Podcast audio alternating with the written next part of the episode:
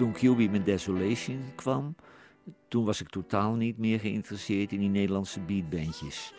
Want dat was, dat was echt de blues rechtstreeks uit zijn hart wat Harry deed. En Harry was niet de beste zanger van Nederland. Maar Harry kon wel het beste zijn emoties prijsgeven en tonen. En dat kwam binnen, jongen, dat was niet te geloven. Ik was verbijsterd, omdat zij speelde blues en dat kende niemand in die tijd. Dat was, dat was heel speciaal. Zij speelde bijvoorbeeld nummers van Ray Charles, waar niemand zich aan, aan waagde, weet je wel. Maar ook Johnny Hooker en Muddy Waters. Maar, potverdorie, daar stonden mensen niet te geloven. Nou, ik vond Harry altijd wel echt de leider van de band.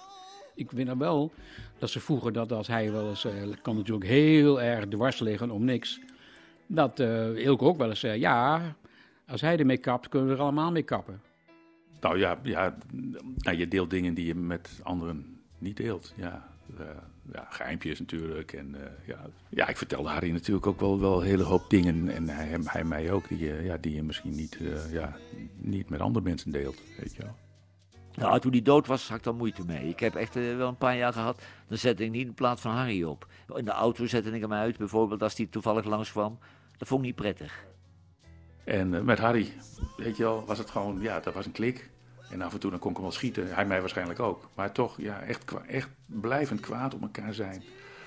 Weet je wel, anders was ik, was ik al lang weg geweest natuurlijk. Na, misschien na drie jaar al of zo, weet je wel. En uh, ja, dus ja, als hij nog had geleefd, hadden we ongetwijfeld nog met elkaar gespeeld.